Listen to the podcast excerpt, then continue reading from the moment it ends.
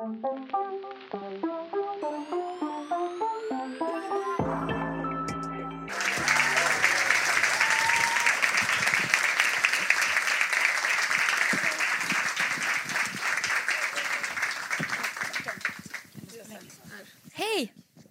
Välkomna. Tack snälla. Hur mycket kan ni av de här, eh, de här grejerna? En som del. vi tittar på? En del, en del. Vi har precis tagit oss ur, eller liksom, vad blir det? Fem av sex. Vilka fem är det ni har tagit er ur? Ehm, Vi har typ, det enda vi har kvar är förlagsavtal fast där har vi bara en liten recoup deal kvar. Så ingen som jobbar på så här 20% utan minsta möjliga cut för att bara samla in pengarna. Eftersom vår musik mycket är utanför Sverige. Annars kan man göra det själv också tycker jag. Grattis, ni står på egna ben. Det kommer ett nytt album i april. Vi ska prata om det. Men först vill jag att ni ska, måste jag förklara för er om ni inte, har, om ni inte förstår. Eh, ni har, de har alltså varit alltså aktiva i decennium eh, och inte bara DJs, låtskrivare, producenter och artister. Eh, alltså liksom 360 grader av vad allt det här innebär sitter ni och gör. Och just nu så sitter ni, förstår jag, och mixar kommande album. Det är vad ni Ja. gör? Okej, så nu har ni koll på det, eh, hur grymma de är.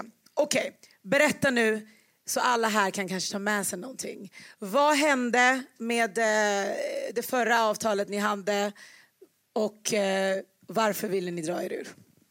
vi var signade på Universal eh, och har varit det typ sen första singeln vi släppte egentligen. Ehm, vi har gjort musik själva med kompisar, med pojkvänner, med liksom, vi har försökt eh, keep it in the family så gott eh, liksom, det går. Sen eh, efter några år så tyckte vi att det var jävligt kul när vi kände att vi ville utvecklas mer som låtskrivare och producenter och jobba typ med andra och framförallt göra grejer till andra artister och sådär. Och då tog vi liksom in folk, eh, vi har alltid varit rädda för att släppa in män eller typ Eller gubbar. gå på sessions. Liksom Ja. gå och skriva, alltså vet ni vad session är liksom? Vi var så alltid så här, det är det äckligaste, töntigaste, värsta man kan göra. För vi var, när vi var alltid i LA, där är det jättemycket svenskar och är på sessions liksom. Och då var alltid vi så här, ja ah, vi är ute och festar och då var alltid Icona Pop så här, men vi ska upp sju på en session. Och vi En var, fy fan vad Ska töntigt. jag förklara vad det är? En session är när man sätter ihop ett gäng låtskrivare producenter under en viss period och så, så tänker man att det är en kreativ smältdegel och så Det är springer som man en och ut. äcklig blind date. Alltså, så här, du vill inte träffa någon du inte ens vet vad den gör. Alltså, så här, varför ska jag jobba med någon gubbe som skrivit upp musik till någon jättetöntig...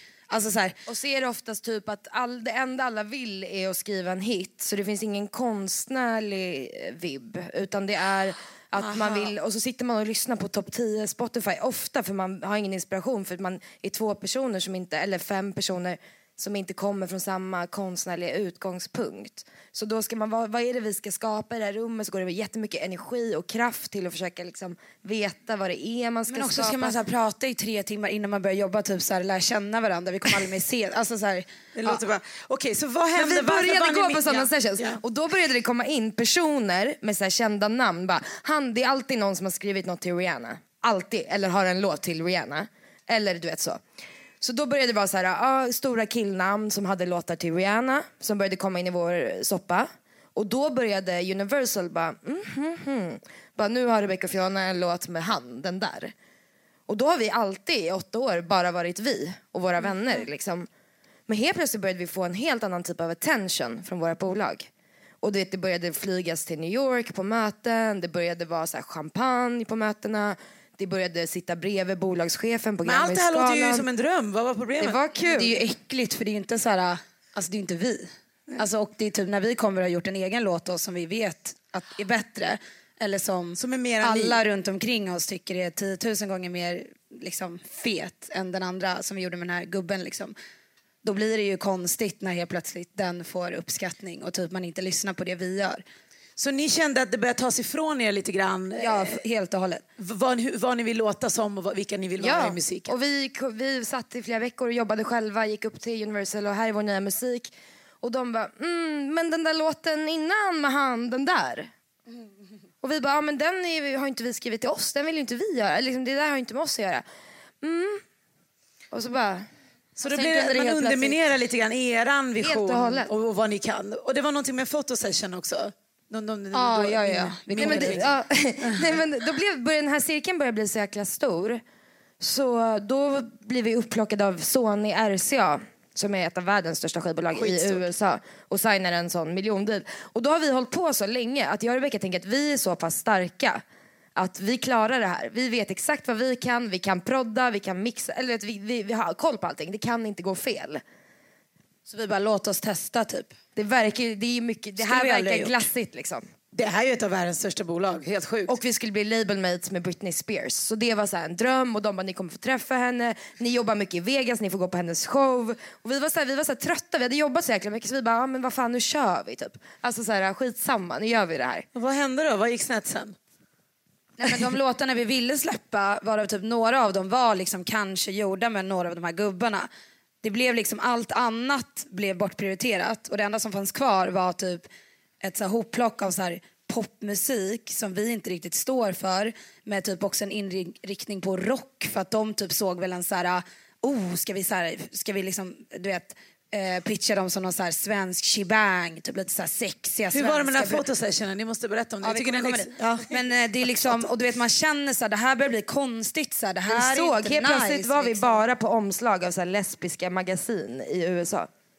Alltså no, det var ju asfett också men, vi men bara, det, det hade de inte sagt till oss liksom. Nej det är mycket så konstigt. Och så gör vi musik och vi fortsätter så här bara, men alltså den här låten, den här låten som vi har gjort som vi vill släppa som nästa singel. Ja men den kanske blir tredje singeln för vi ska fokusera på de här låtarna så här. Och sen så har vi gjort en fotografering med en tjej som heter Celine som vi alltid jobbar med som är så jävla tung och vi är jättenöjda med omslaget. Gjort eget artwork för det är det vi vill för vi, ingen annan kan, alla suger. Eh, Och då typ kommer vi med ett helt färdigt paket fast vi har den här artistdealen vilket innebär typ att de ska göra allt och vi ska bara göra musik. Ja. Men vi gör ändå Knappt allt. göra musik också. Ja precis, knappt. Bara titta på när Gubbar musik. ska göra musik. Eh, lämnar in ett färdigt liksom, liksom, lämnar in allt paketerat. Här varsågoda, ni kan typ i princip trycka på en knapp och så är det på Spotify. Eh, de bara, ah, men det här ser jättebra ut, vi är jättenöjda, eh, lägger upp en releaseplan och sådär. Men vi vill ha en bra så här, pressfotografering. Så vi vill flyga er till LA och det är det här och det här teamet som ska fota. Eh, och vi gör det och det är skitfett. Alltså tänker du komma så här, ser det sån här svinfet. Så får man en morgonrock och blir insmörjd i ol- olja. Wow. Ja, och så har den alltså- fotografen fotat eh, Och man Lady Gaga veckan innan. för att det är någon så här konstigt serum. Och man blir så glad för att helt plötsligt bryr sig någon om en och man har strugglat själv hela tiden så man tycker det är lite skönt att du vet, det kommer en black car och hämtar en och kör en till det här stället och det inte är så här att man själv, jag står och fixar Rebeckas hår och så vidare. Så man blir typ lite glad. Skärmad. Ja. Eh, vi gör den grejen och tror att det ska bara bli skitfeta pressbilder. Och så går det typ två veckor.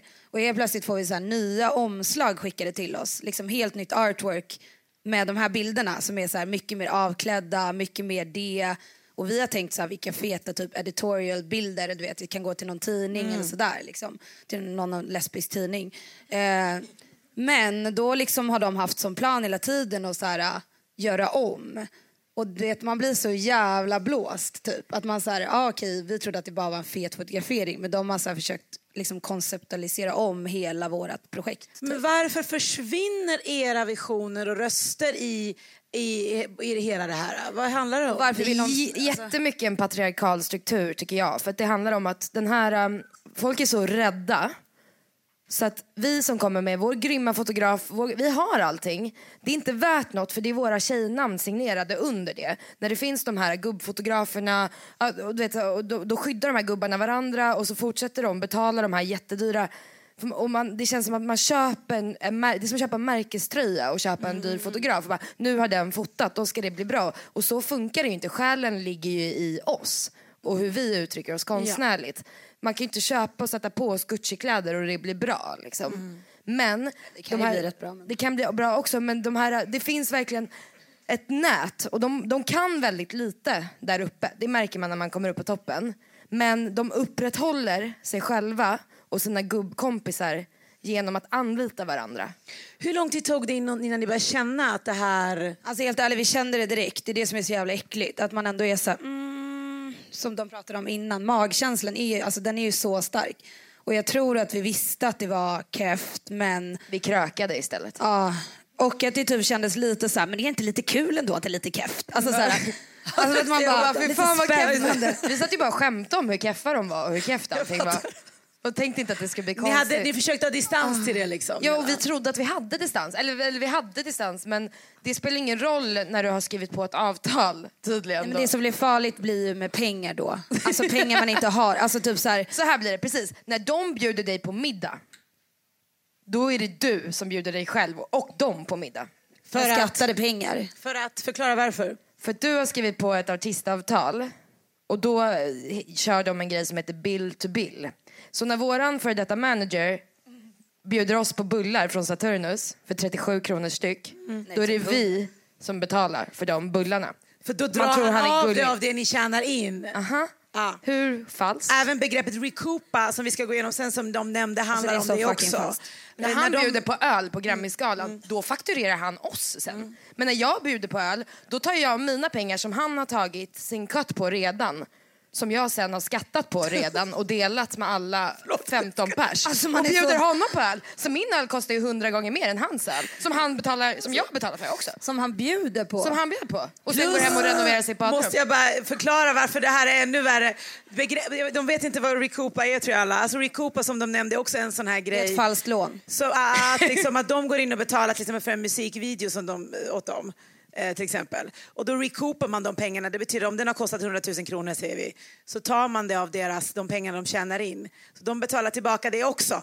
Så att, eh, Och om den har kostat shit, alltså. 300 000 kronor och du har filmat den i LA och så har det kostat jättemycket runt det.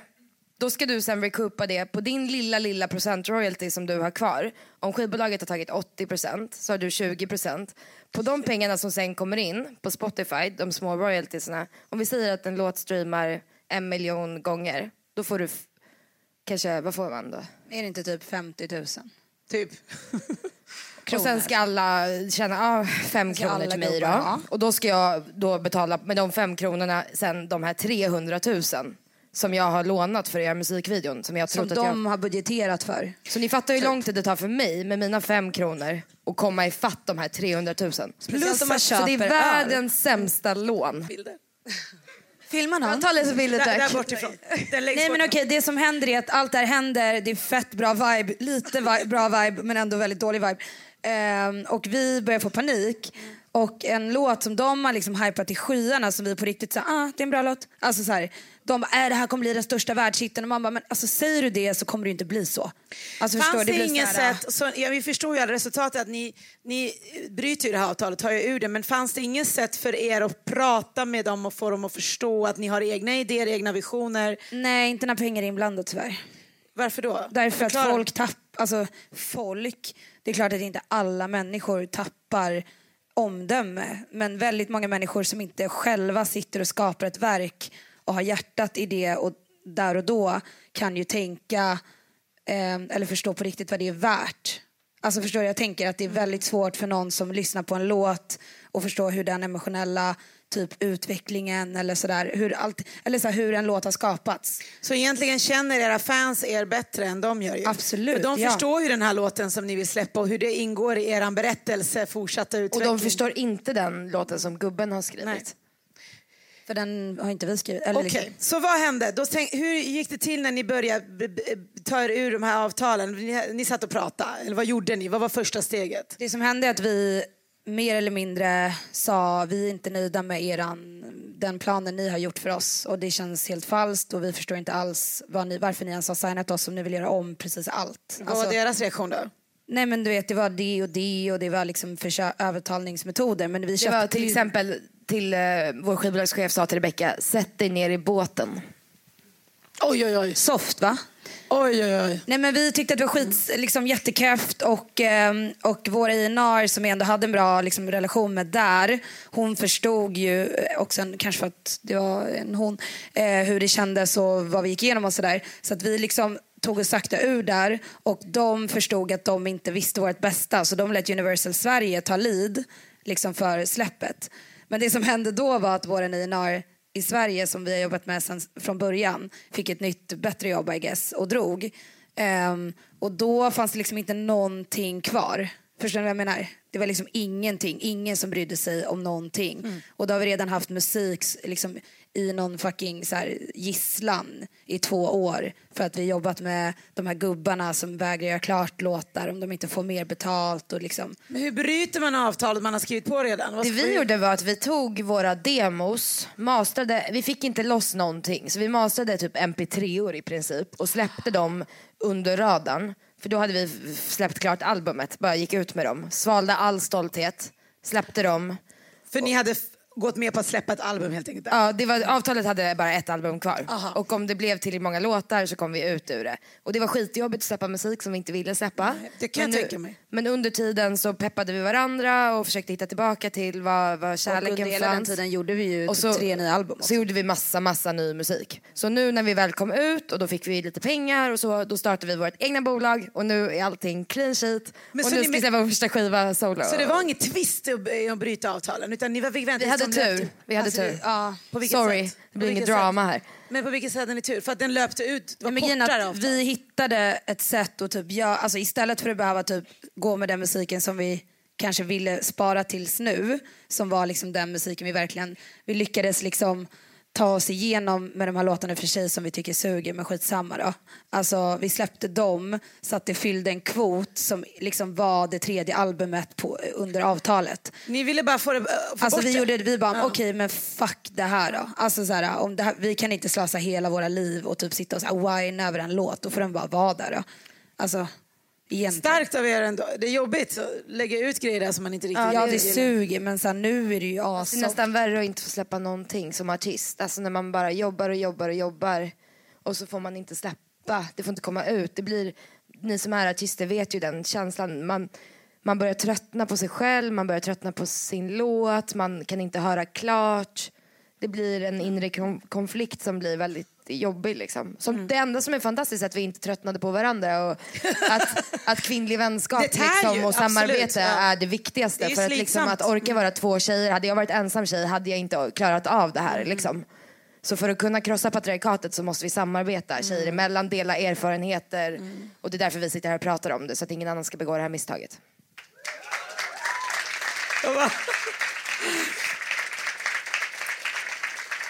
Helt fantastiskt. Ja, det här sista po- poängen var ännu viktigare tror jag kanske, än- kanske alla förstår. Det är slitsamma processer.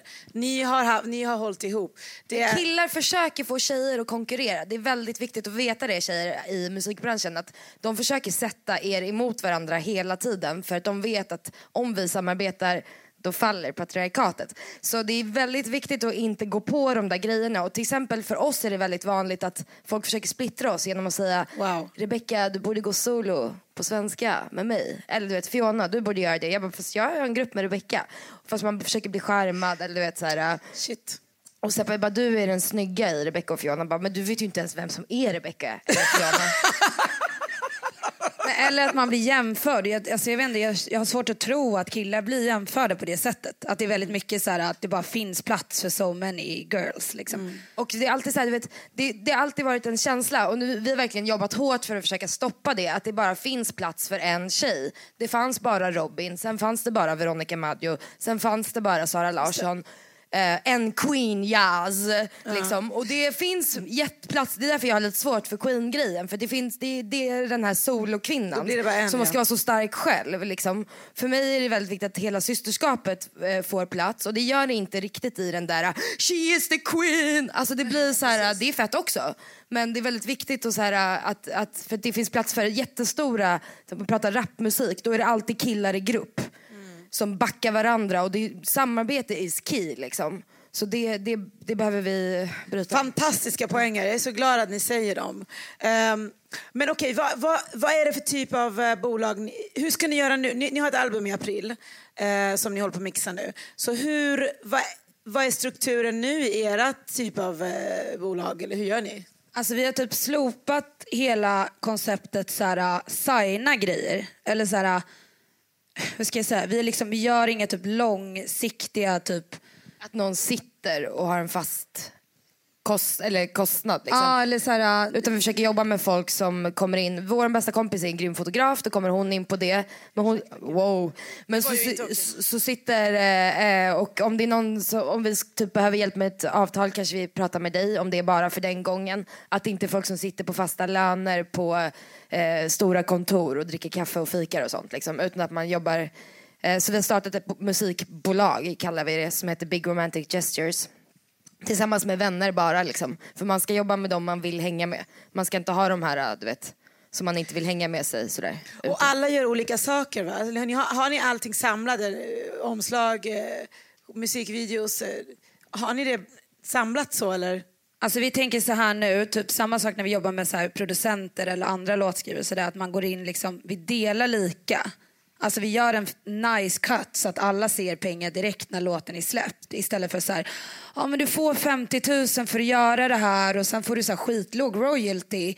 Och då blir det så här, du- pengarna du ser för att du ser dem direkt istället för att så här, göra den bästa låten du kan och ha det fett nice och sen liksom get on the joyride typ och så här, alltså se det växa tillsammans på något sätt. Så typ vi har börjat om liksom där. Förstår du vad jag Spännande. tänker? Ja, Alltså- precis. Spännande. Och, och, men men liksom, då, då tänker jag, många här tänker så här, men finns det inte chanser som då det här eh, stora bolaget där så jag hade kunnat ge er som ni, som ni måste skapa åt er själva nu eller är det inte så? Alltså, vi går ju indie nu och det tar tycker vi är viktigt. Men vi vill inte att det inte ska kännas big time när vi har varit i den här big time-grejen.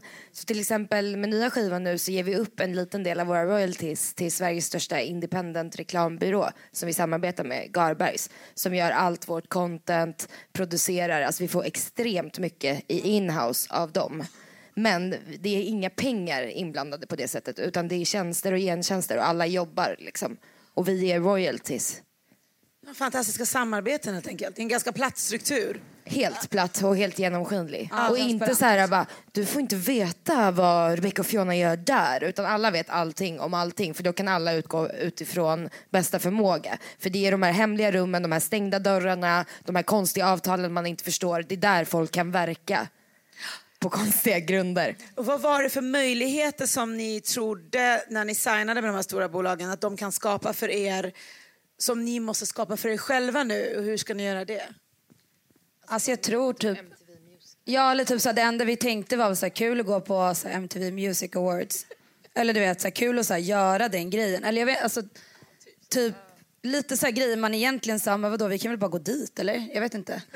Alltså, men typ, det är också roligare att skapa allt, alltså ha visionen klar själv och sen hitta bra folk som kan hjälpa dig att förverkliga det utan att bli fråntagen liksom hela din vision. Alltså, det Jag finns fattar. folk som kan hjälpa till att förverkliga någonting som redan, redan är perfekt. Som är du också. Ja. Jag förstår, det här det är de personerna ni ska hitta. Inte leta efter någon som kan göra allt åt er för det blir inte bra. Liksom. Det är helt fantastiskt det ni säger för jag känner att det landar någonstans i så här, okej gå på VMAs, men till vilket pris? Hur låter jag då? Vad är det, för blir bilder för dyr- mig? Vem, hur presenteras öl, jag? alltså. Ja. Nej, men det är inte värt det. Det kanske är värt för någon. Alltså, jag vet inte. Det är ju jätte, jag tänker att det är väldigt, väldigt individuellt beroende på också. Vi är ju vårt eget management, vår egen PR-byrå. Vi har ju lärt oss mycket såklart genom åren och vi har varandra och vi är starka i det. Och vi har, vad vet jag, social kompetens, humor. Alltså så här, vi kan ta oss fram i världen liksom. Känner- Alltså, känner- och vissa personer kan inte det och de personerna kanske behöver jättemycket mer hjälp. Så där får man ju också som en manager till en artist kanske vara lite mer um, lyhörd och se vad behöver den här personen obviously. Som, vi, som ni pratade om innan att det är jätteolika för olika artister och sådär. Men det är viktigt att man känner att man är sig själv genom hela processen och att din musik som du skapar är exakt så den presenteras ut. Att ingen fuckar med någonting på vägen eller får dig att Fantastiskt. misstro din egen kompetens. För det är därför du är artist från första början. Helt fantastiskt. Jag hade velat skriva upp, sätta upp det här på en vägg det ni säger. Det är också tror jag hur man mår bra i längden. Det, är det absolut. inte- Det kan vi garantera. Verkligen alltså. Eh, har ni några frågor? Shoot. Varsågod. Och då försöker vi tänka lite så här Robin Hood och ta från de onda och gö- göra till goda. Så, att, så vi gör liksom jobbiga företagsgrejer. Eh, och kanske tacka ja till spelningen. Nu när vi bara vi själva, då kan man göra lite så här shitwork också. Om man vet att det kommer, då kan man lägga det i en musikvideo eller någonting. Och då kanske det är okej att spela på Ericssons personalfest. Du vet, sådär, Eller bränna typ. till Nyköping, köra lite Ja. snabbt DJ-gig. Så nu när man ser allting och platt, då... ehm, men vi har ju tur som är DJs för vi kan tjäna eh, pengar på att DJa och sen stoppa in det och göra, skapa musiken. Var det, var det svar? Absolut. Vi har jobbat med jättemycket folk, vilka har ni kvar idag? Tack för att du gör mitt jobb. Det men man man hör hör inte mycket enklare för mig. Ja. Ehm, vi har, jag bara, vi har kvar våra kompisar. Ja, precis. Oss själva typ. Ehm, inte så mycket branschfolk egentligen va? Typ ingen eller? Nej. Jo, han som är vår förläggare, han som samlar in förlagspengarna, han, han är kvar på sån liten. Så typ Men ingen eh, faktiskt. om, vi kan skvallra som fan om ni vill komma fram efteråt också. Det kanske bara... Jag har jobbat med så många under åren. Ja, vi har någon mer fråga? Eh, vem var det? Ja, varsågod. Recoupa. Recoup. Vet du, eh, för att ni ska slippa berätta det, vi kommer till det begreppet.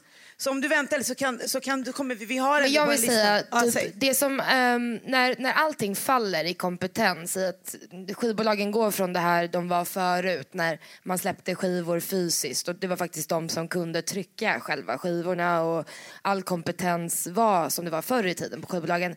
När allting blir annorlunda nu, när man kan göra det själv, då finns ganska lite kvar där. Men det de fortfarande har är till exempel ABBA-katalogen som drar in jättemycket pengar. Så det finns fortfarande väldigt mycket pengar. Så det blir som att skivbolaget blir lite mer som en bank kanske, där du tar ett lån. Och när du jobbar sen, du får pengar till att göra saker och sen när du jobbar så recoupar du det lånet. Så det är ju ish ett lån du inte behöver betala tillbaka direkt eller kanske ens överhuvudtaget. Men du ser ju heller inte dina pengar som kommer in.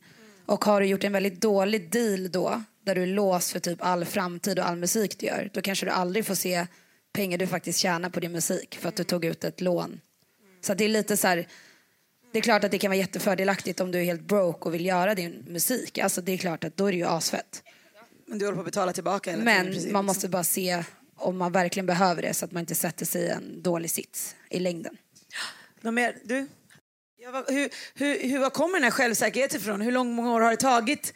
Den här självständigheten som ni, som ni signalerar. Vi hade den från början, när vi träffade varandra. Så i varandra hittade vi självsäkerheten. För vi är väldigt bra på att liksom backa varandra. Fluff it up. Fluff it up. Men, eh, men eh, så, och i början var vi skitkaxiga. Alltså, när man, vi kollade lite på klipp från när vi för tio år sedan. Alltså, vi var så kaxiga och bara fuck alla gubbar. Och sen så klev vi in i den här grejen och sen nu är vi tillbaka till fuck alla gubbar igen. Liksom. Så det är, så, men eh, systerskapet. Vad ger vi för tips till någon som är i början av karriären och liksom vill... Alltså jag tror att man verkligen ska se efter vilka människor man har runt omkring sig. Så att du inte har människor som kan liksom påverka dig negativt eller i fel riktning utan folk som är liksom sincere, som mer kan hjälpa dig förvalta det du har. Och sen därefter såklart får du alltså, skaffa kunskap och liksom hitta om du har en väldigt tydlig vision, så här, dit vill jag, jag vill att det ska se ut så här och, och låta så, jag vill eh, höras i de här plattformarna. Liksom. Men kolla i din vänskapskrets skulle jag säga också. Finns det någon som är bra på sociala medier som kan följa med dig och fota dig kanske? Eh, har du någon kompis som kan juridik som kan hjälpa dig med avtal? Ofta har man mycket i sin vänskapskrets och det är väldigt bra om man kan utnyttja det liksom. Och Sverige är ett fett land. Det finns stipendium att söka, det finns, finns gratis hjälp. Alltså det finns så mycket hjälp att hämta om man letar. Liksom. Och det ska man också vara, eh, vara bra på i början och skaffa sig liksom, kunskap. Stim- ja. Spännande. Eh, vi, vi hinner med en till fråga. Ja, han. Varsågod. Studi- fetaste studion? Alltså vi, Oh. när, vi signade, äh, när vi signade det här sjuka avtalet då fick vi vara i Michael Jackson-studion och allt det där i, i LA. Men de kostar, vad kostar de? 15 000 per dag. Och sen har man en person som kostar 15 För då måste, när man är i de här stora studiosarna. Nej den fetaste är det där i Santa Monica va? Ja. Ja förlåt. Det är, du vet, det är så här, det är så här, de är så här historiska studios. Så här. Här skrevs den här låten! Man bara, vilken? Men, de, men de måste ha en, en liten kille som sitter och sköter tekniken som du också betalar för. Så det är kul men det är fett dyrt. dyrt. Alltså, och det är vi som betalar. Och att nu för tiden det är så väldigt få personer som använder de här typ så här fem meter långa mixerborden eftersom alla sitter typ med en laptop och ljudkort. Alltså så, här, så det blir också lite övermäktigt ibland men även det ser ju kul, alltså det är coolt och det är så. Men den fetaste studion det är våran egna. Ja, men jag tänkte jag tänkte säga det. Ni, ni gör ju själv nu och det, det är ni skitnöjda Ja. med. Det kommer bli skitbra. Eh, vi kramar ur er så mycket vi kan på, en jätte, på jättekort tid. Får jag bara passa på, eftersom vi ska prata om eh, begrepp i avtal lite mer ingående och liksom sådär, vad de ska veta, tänka på. Eh, om ni får välja eh, en grej var kanske bara i, i, i avtalen som man ska vara noga med när man får avtalen. Någonting att se upp med. En fallgrop. Som är oh, viktig. det här, vänta, det har vi precis fått lära oss. Det här är sun, Sunset. sunset. Heter det? Ja. Livsfarligt. Sunset. Sunset. Sunset som är solnedgång. Vad betyder det? Vad är det för något? Jag tror, nu rätta mig om jag har fel, men att det innebär typ att när avtalet går ur och du, tro, alltså du tror att det är över, då fortsätter de tjäna maxbelopp, lite mindre, lite mindre, lite mindre under kanske tio år. Efter att avtalet har gått På ut? saker du Men- skriver efteråt. Managementavtalet då, tänker jag. Precis, till exempel. om jag bara får bryta in. Ja, men det Snälla. är som du säger, sunset eller efterkommission. Att om det har varit en manager och säger att man har jobbat i tre år så kanske det avtalet säger att ja, men vi tjänar så här mycket under de tre åren. Sen alla grejer som vi har satt under de tre åren har vi även rätt att ta kanske så här fem, tio år efter det. Just det, och det 10%. var ett managementavtal va? Ja, det, det var så, lyckligtvis inte i vårt managementavtal, Nej, nej. men i min brors eh, avtal var det det och det var med samma management.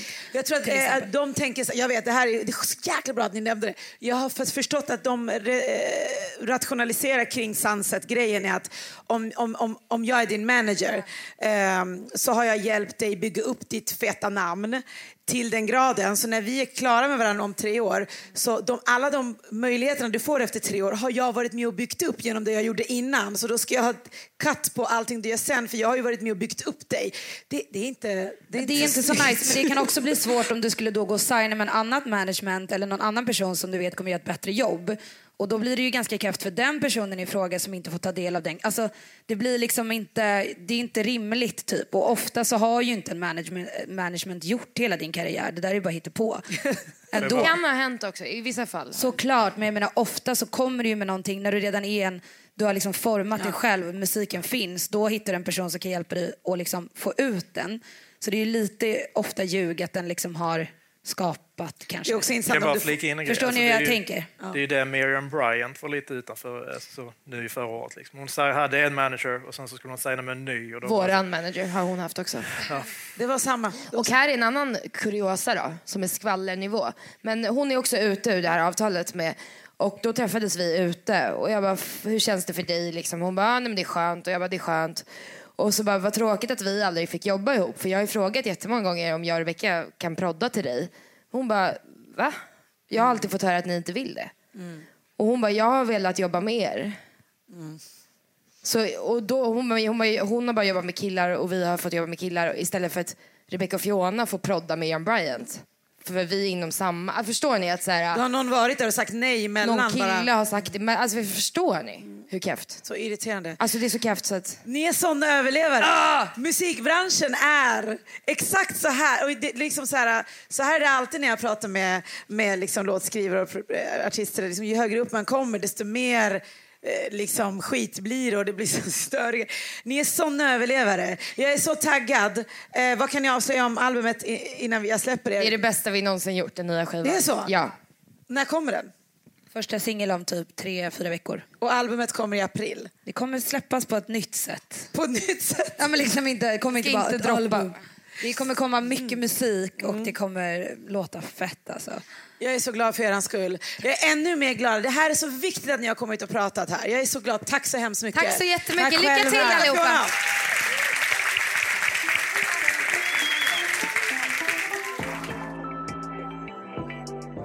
Du har lyssnat på Din musikbusiness podcast presenterat av Skap.